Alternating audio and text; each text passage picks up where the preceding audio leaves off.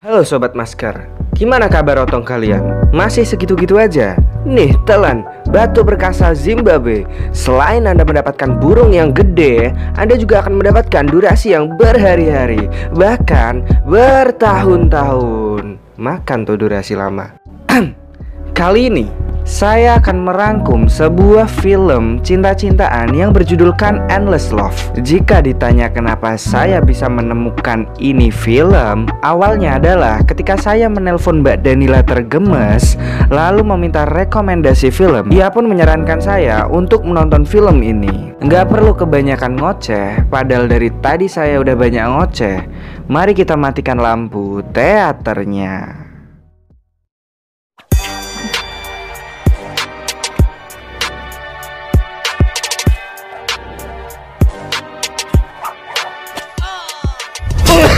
Bismillahirrahmanirrahim. Cerita diawali dengan scene di mana sedang ada perayaan hari wisuda di SMA Sukamakmur. Di sana, seorang pria bernama David tengah mengamati wanita antisosial yang bernama Jade. Mereka adalah rekan satu angkatan, namun David sama sekali belum pernah berbicara pada gadis idamanya tersebut. Mungkin karena David adalah pria keluarga pas-pasan, sedangkan Jet adalah anak dokter. Sejak saudaranya meninggal karena penyakit, Jet telah menjadi antisosial dan mengurung dirinya. Bahkan selama SMA, ia hanya bermain bersama ayah dan ibunya. Setiap saat, setiap waktu, nolep nolep. Hari berganti, Film menunjukkan kita bahwa David dan rekan niganya sedang bekerja kasualan pada restoran orang kaya. Datanglah sebuah mobil, lalu David menghampirinya untuk memarkirkan mobil tersebut. Seperti drama percintaan pada umumnya, buku gadis yang keluar dari mobil tersebut jatuh dan terkejutlah David saat mereka saling bertatapan bahwa gadis itu adalah Jade. Terjadi percakapan pertama mereka di sana. Sebenarnya saya gak kaget sih, bahkan sinetron SCTV udah sering pakai cara buku jatuh terus. Tai. Di dalam warteg, Jet dan keluarganya membicarakan soal perayaan apa yang ingin dilakukan untuk kelulusan Jet. Yang membuat keluarganya terkejut adalah Jet ingin bikin party di mana itu adalah sebuah keanehan bahwa Jet kan tidak punya teman gitu. Lalu siapa yang mau hadir? Teman-teman bapaknya. Dan benar saja, ternyata yang hadir adalah teman-teman bapaknya dong. Dan juga hanya ada satu pemuda sebaya di sana, yaitu David. Ya iyalah David datang. Mumpung bisa ketemu gitu loh. Di sana, David memberitahu bahwa juga ada pesta di rumah Jenny sehingga teman-temannya pada ke sana. David yang sangat amat sangat pandai ini menelpon polisi dan melapor dengan ngaku-ngaku bahwa dia adalah tetangga Jenny. Ia berkata bahwa ia merasa terganggu dengan party yang Jenny buat. Dan sekarang Oh, tampaknya ada orang yang mengencingi mini koperku. Ia meminta party dibubarkan dengan segera. Beberapa saat kemudian, teman-temannya pun datang secara bersamaan ke party milik J, termasuk Jenny yang kesel. Bisa bubar dengan laporan palsu gitu ya? Semudah itu, cok. Di sana, kakak Jet mengadakan permainan di mana mereka harus memiliki pasangan untuk menari dengan tema dance bebas. Dan David memilih Jet untuk menjadi rekannya di sana. Mereka pun menari satu persatu. Di tengah jatah waktu David dan Jet menari, tiba-tiba saklar listrik mati. Di momen itu, David dan Jet masuk ke dalam suatu ruangan tanpa ada orang yang tahu. Hina saat sang father menyampaikan salam penutupan party, ia memanggil putrinya Jet. Namun, tentu saja Jet tidak muncul dan masih berbagi liur di kamar. Karena ayahnya tidak kunjung berhenti memanggil, akhirnya mereka pun keluar disaksikan oleh orang-orang.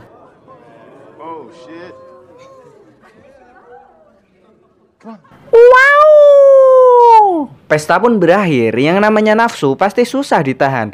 Saat sang ayah masuk ke dalam rumah, Jet keluar dengan hasrat engas yang kian memuncak. Mereka pun ketemuan di suatu tempat sekedar untuk menyelesaikan ciuman sebelumnya.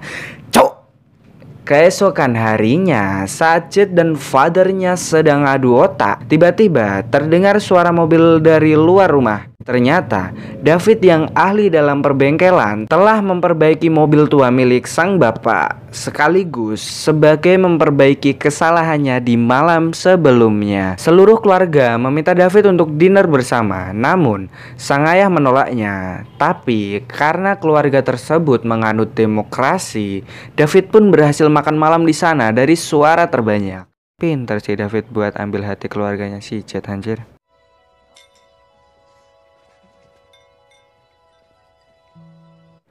Saat David hendak ingin pulang, Jet yang engas pun melemparkan surat yang berkata, "Tunggu hingga semua lampu padam." Mau ngapain lagi nih, cok? Saat lampunya padam, mereka pun melakukan adegan. Ya, ya kalian lihat sendirilah.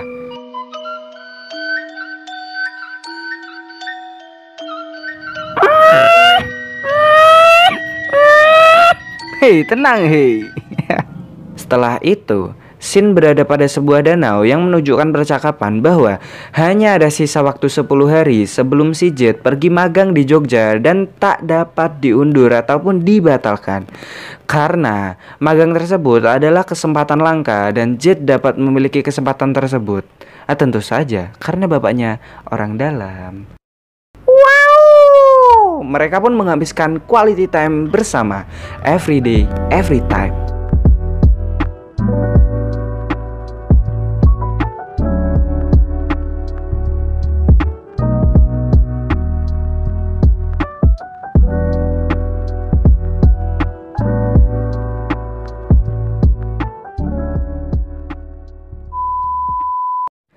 Di hari ke-10, secara tiba-tiba, Jet membatalkan magangnya yang tentu saja akan membuat sang papa murka.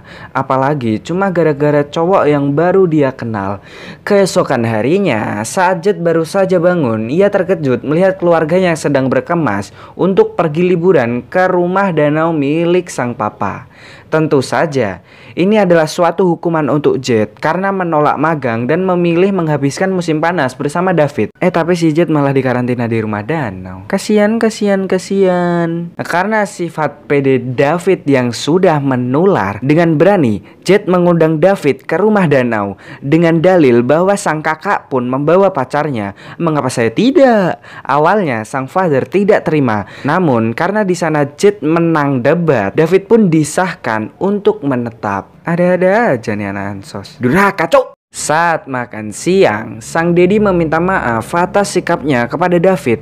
Lalu di tengah-tengah percakapan mencuatlah sepasang manusia yang ternyata ia adalah rekan kerja papa yang juga diundang. Malam pun tiba dan mereka sedang nyumet kembang api. Karena kembang apinya habis, kakaknya si Jet meminta David mengambil lagi di gudang. Dan terdapat sedikit hal mengagetkan di sini bahwa ternyata si papa berselingkuh dengan rekan kerjanya. Ngeselin nih bapak-bapak. Keesokan paginya, sang bapak mengajak David kapal-kapalan dan dibawa David ke tengah danau. Di sana, David dibunuh. Enggak lah, masih panjang ini video, tenang. Di sana David bilang kalau dia nggak akan kasih tahu Jet, tapi jika si Jet tahu, itu akan membunuhnya. Next, mereka berempat datang pada sebuah party dan di sana ada Niga bersama Jenny dan satu wanita undetected. Si Niga punya ide gokil yaitu masuk ke kebun binatang secara diam-diam saat sudah tutup. David pun menolaknya, namun karena si Jet yang nolep ini tidak pernah ke kebun binatang, mau tak mau David menuruti keinginan Jet. Di kebun binatang, kakaknya si Jet bercerita bahwa ia ingin menikahi pacarnya. Namun, karena ia tahu sang ayah akan menolak keinginannya, ia berencana kawin lari. Eh, kawin kok lari? Eh, sambil duduk kan bisa. Eh, tiba-tiba datanglah mobil polisi menciduk mereka yang masuk secara ilegal. Ternyata itu adalah ulah si Jenny yang dendam atas pestanya di malam lalu. David pun tertangkap karena ia mengorbankan dirinya sebagai umpan supaya yang lain selamat. Namun, pada akhirnya David tidak dipenjarakan karena dibebaskan oleh papahnya si Jet dengan mengharuskan David menjauh dari si Jet eh, tanpa pengetahuan Jet tentunya. Di sana, papa si Jet memanipulasi keadaan dengan mengatakan masa lalu David bersama keluarganya yang kelam sehingga ia tak pantas bersama si Jet. Karena David kesal, David pun memukul pria itu eh, kenceng banget. Ayah Jet pulang dengan playing victim dan berkata bahwa David hilang kendali. Saat Jet hendak menghampiri David, eh malah si Jenny ini sok-sokan deketin David buat jadi teman cerita. Jet yang cemburu langsung pergi. David mengejarnya dan ia jengkel karena tahu bahwa memang benar David menampol bapaknya dengan bukti tangan David yang memar. Di sana, David bimbang antara ingin mengatakan bahwa bapaknya selingkuh atau tidak. Namun, pada akhirnya ia memilih diam. Kalau saya sih udah bilang dari awal, tapi memang kondisinya nggak memungkinkan sih. Ini juga menyangkut perasaan si Jet. Gimana coba? David pun memilih mundur alon-alon. Mergo sadar David Sopo. Eh, saat Jet pulang, ia malah hilang kendali sehingga menabrak mobil yang lagi diparkir di jalan. Kan tolol gitu ya, mobil gak salah ditabrak gitu anjing. Di rumah sakit, bapaknya si Jet dan bapaknya si David sempat bertemu. Di sana, bapaknya Jet memberi sebuah info bahwa jika David mendekati Jet sedekat 50 kaki kaki, David akan ditangkap. Apaan anjir? Hukum apa ini? Di sana, Jet yang udah sembuh dan gak tahu apa-apa menghampiri David, namun ia malah bertemu dengan ayahnya dan mencegah Jet untuk bertemu dengan putranya karena ia tak ingin putranya terkena masalah. Jet pun kuliah ke Jogja. Di sana, ia memiliki pasangan baru, namun nampaknya tak cukup bahagia. Begitu juga dengan David. Ia malah sekamar dengan Jenny. Ngapain coba? Dengerin podcast. Eh, tapi di suatu masa, David sangat muak. David masih sangat mencintai Jet. Ayahnya pun mendukungnya dan menyuruhnya mengejar cintanya. Dengan konsekuensi, bengkelnya akan disita dan ia akan dipenjara. Pada akhirnya, David menemui Jet di bandara atas saran dari ibu Jet yang masih berpihak kepada David karena hanya di sana Jet tak mendapat pantauan dari ayahnya. Di sana mereka pun berbagi virus lagi. Hina. Saat Jet dan bapaknya pulang, si bapak malah marah ke anak pertamanya karena menggunakan piring lagu tercintanya.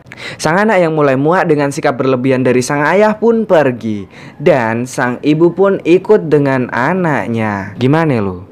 chaos kan Makanya jangan egois di depan anak Nggak keren ya Kagak ada keren-kerennya Sumpah dah Jet yang muak pun rebel dengan mengatakan ia tak ingin diatur-atur lagi. Ia mengutip ucapannya si bapak yang berkata bahwa Jet harus bisa memilih hidupnya sendiri. Dan kini ia pun memilih David. Saat Jet hendak pergi, si Papski marah dan membawa tongkat baseball keluar rumah.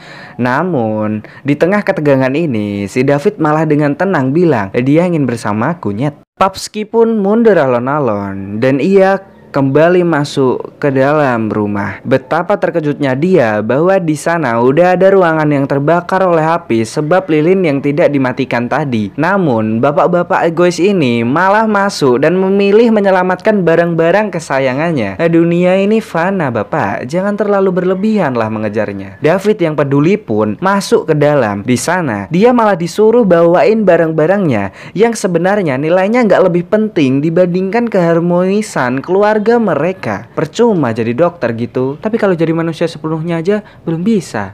Gimana coba? David pun pingsan karena terkena semburan api dan akhirnya hati si bapak ini terbuka. Ia memilih menyelamatkan David dan meninggalkan barang-barangnya. Namun mereka malah terpisah dengan runtuhan api dan David berposisi di dalam api. Bapak-bapak itu memilih pergi. Kesel kan?